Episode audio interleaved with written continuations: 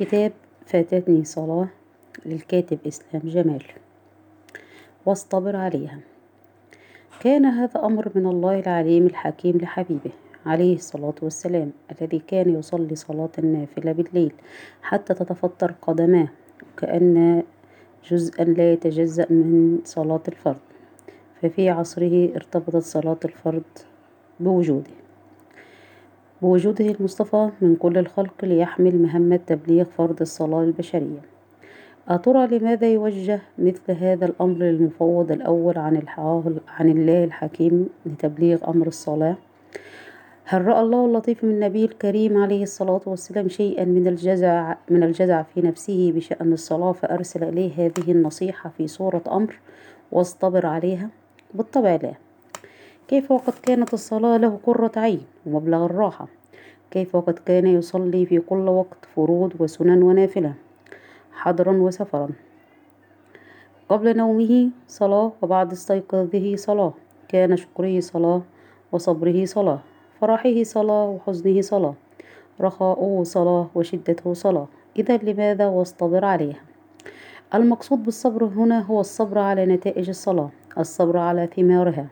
كانت الصلاة ولا تزال هي الفعل الأكثر تكرارا في حياة أي مسلم. جعل الله العليم الحكيم أداة تغيير هي الفعل القادر على تغيير سلوك وفكر من يقوم به. لكن هذا التغيير لن يحدث بين ليلة وضحاها. لذلك جاءت واصطبر عليها. واصطبر عليها جاءت في سياق من الآيات تتحدث عن الصمود والمثابرة والصبر لتحقيق هدف معين. رسالة الإسلام والإيمان آنذاك وعدم الاكتراث لنقد الناقدين ولا لظواهر الأمور التي من شأنها تشتيت كل ما من يسعى لهذا الهدف. فاصبر على ما يقولون وسبح بحمد ربك قبل طلوع الشمس وقبل غروبها. ومن آناء الليل فسبح وأطراف النهار لعلك ترضى. ولا تمدن عينيك إلى ما متعنا به أزواجا منهم زهرة الحياة الدنيا لنفتنهم فيه. ورزق ربك خير وأبقى. وأمر أهلك بالصلاة واصطبر عليها. لا نسألك رزقا نحن نرزقك والعاقبة للتقوى. جاءت الصلاة بتكرارها كتدريب على الصمود والمثابرة. من أجل تحقيق هدف هو الأسمى في تاريخ البشرية. نشر دعوة الإسلام. كان الساعي لهذا الهدف سيد الخلق عليه الصلاة والسلام. لا يملك شيئا من ماديات هذه الدنيا. صمد وثابر وحيدا معتمدا على الله القوي القدير في مواجهة أشرس البشر وأصلب الشخصيات. ليس ذلك فقط بل في مواجهة مغريات الحياة التي كانت تعرض له أو التي حرم منها من أجل تحقيق هدفه. نجح النبي الكريم عليه الصلاة والسلام من تحقيق هدفه بالصمود والمثابرة حتى خضع لرسالته أصلب وأعند الشخصيات مثل الفاروق عمر بن الخطاب وخالد بن الوليد رضي الله عنهم. وظل الصمود والمثابرة صفة من صفات النبي عليه الصلاة والسلام حتى فتح مكة. نابليون هيل. نابليون هيل هو كاتب أمريكي مشهور. لن تجد شخصا ناجحا في مجال ريادة الأعمال الآن إلا وقد قرأ كتابه الأشهر. فكر تصبح غنيا. Think and Grow Rich. الذي طبع عام 1937 ولكنه ما زال يباع حتى الآن وقد صنف ضمن أكثر الكتب مبيعا على مر التاريخ. استغرق نابليون هيل أكثر من خمسة وعشرين عاما لتأليف هذا الكتاب الذي اعتمد على البحث والملاحظة وتجميع المعلومات وتدوين الأفكار بعد قيامه بمقابلة أربعين مليونير. في مجالات مختلفة ليتعرف على الرابط المشترك ونقطة التلاقي بين جميع من استطاعوا تكوين ثروات ضخمة. ففي بدايات القرن العشرين كلف الملياردير الإسكتلندي الأصل أندرو كارنيجي الكاتب الصحفي الشاب نابليون هيل بأن يقوم بعقد مقابلات مع عدد كبير من المليونيرات في ذلك الوقت. وكان على رأسهم أندرو كارنيجي لكي يتعرف على أسرارهم وينشرها في كتاب. حيث أن جميع هؤلاء المليونيرات قد بدأوا من الصفر ولم يكن للصدفة أو الحظ دور في تكوين ثرواتهم. فانطلق هذا الأخير ليلتقي بنخبة من الناجحين والمليونيرات في ذلك الزمان حيث التقى هنري فورد ملك صناعة السيارات وتشارلز شواب مليونير الحديد والصلب وجون روكفولر أغنى رجل في ذلك العصر وثيودور روزفلت الرئيس الأمريكي السابق ورجل الأعمال توماس أديسون الملقب بصاحب الألف اختراع غيرهم الكثيرين ليستخلص منهم آرائهم ورؤيتهم حول صناعة الثروة والمال. ففي روايات شخصية عن رحلة كفاح ونجاح وخطة تطوير الشخصية ووضع كل هذه الأسرار والمبادئ بشكل مرتب في كتابه Think and Grow Rich. ذكر نبيول هيل صفة المثابرة. كمبدأ من المبادئ الأساسية للنجاح في الفصل التاسع من كتابه وكانت المثابرة بالفعل صفة مشتركة بين كل هؤلاء. لكن العجيب أنه عندما أراد نابليون هيل أن يعطي مثالا عن صفة المثابرة ذكر النبي محمد صلى الله عليه وسلم وخصص له فكرة خاصة سماه خاتم الأنبياء العظيم. تحدث فيها كيف أن النبي الكريم عليه الصلاة والسلام أحدث هذا التغيير في البشرية رغم أنه لم يتلقى شيئا من التعليم الاعتيادي في عصره ولم يكن يستخدم المعجزات كأداة لنشر رسالاته كما حدث مع الأنبياء من قبله.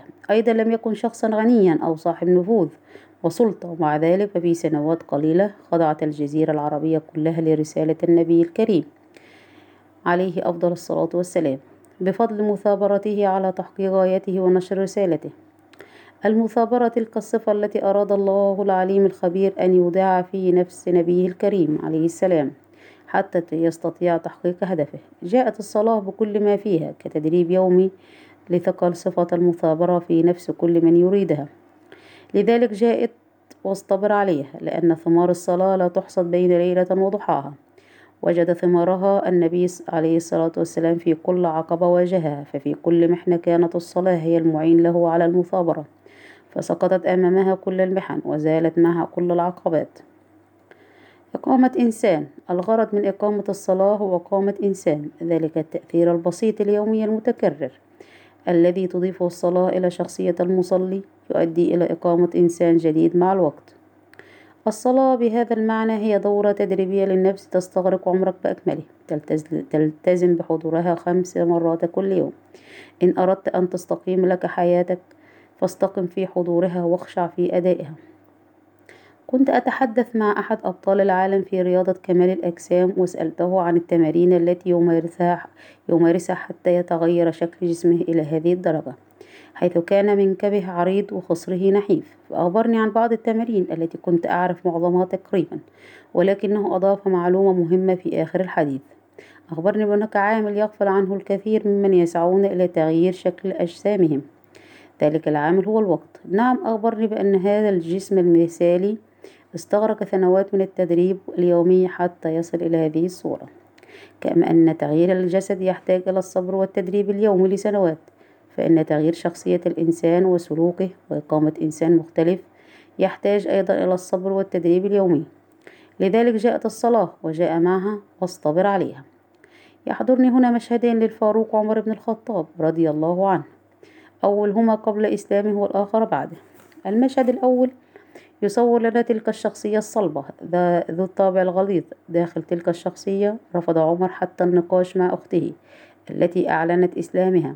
وانهال عليها ضربا حتى سال الدم من وجهها.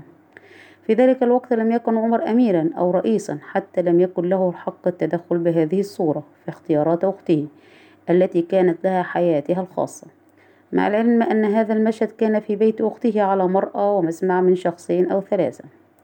في المشهد الآخر يقف أمير المؤمنين عمر رئيس أقوى دولة في ذلك الزمان على منبر رسول الله صلى الله عليه وسلم مخاطبا المسلمين. في مسألة تتعلق بمهور النساء فتقاطعه امرأة على مرأة ومسمع من حضور المسلمين وتعدل عليه رأيه فيصمت الفاروق رضي الله عنه بالرغم من أن مقاطعة الخطيب ليست من الأدب ولا تجوز وكان يحق لعمر أن يسكت هذه المرأة إن أراد ولكنه قال أمام حضور المسلمين. أصابت امرأة وأخطأ عمر. كل الناس أفقه منك يا عمر. بين المشهدين نرى ثمرة واصطبر عليها. واضحة جلية. فلولا ذلك التأثير الذي تضيفه الصلاة يوما بعد يوم في النفس وسلوك كل مصلي لما, لما اختلف عمر قبل عن عمر بعد فاصطبر عليها. ينبغي لنا أن نأخذ الفاروق عمر بن الخطاب نموذجا لما يجب أن تفعله الصلاة بنا. فقد استطاع الفاروق أن يجعل من الصلاة وسيلة لتغيير العالم. لقد وعاها وفهمها كما يجب أن تكون. لذلك فقد كانت إقامته للصلاة مختلفة تماما عن تصوراتنا للصلاة. فقد انتقل بصلاته ليربطها بالواقع ليطابقها مع الهدف الذي عزم على تحقيقه وهو تغيير الواقع. ومن هذا التطابق جملة قالها عمر الفاروق نقلت لنا عنه من داخل صلاته قال إني لأجهز الجيوش في صلاتي. كانت صلاته تمده بتلك الطاقة حتى تجعله يرتقي يرتقي بنفسه أولا ومن ثم يرتقي بالواقع في غيره. فقد كان يعرف وهو يقيم الصلاة أن مهمته تحويل القيم من صلاته إلى واقع يعيشه العالم.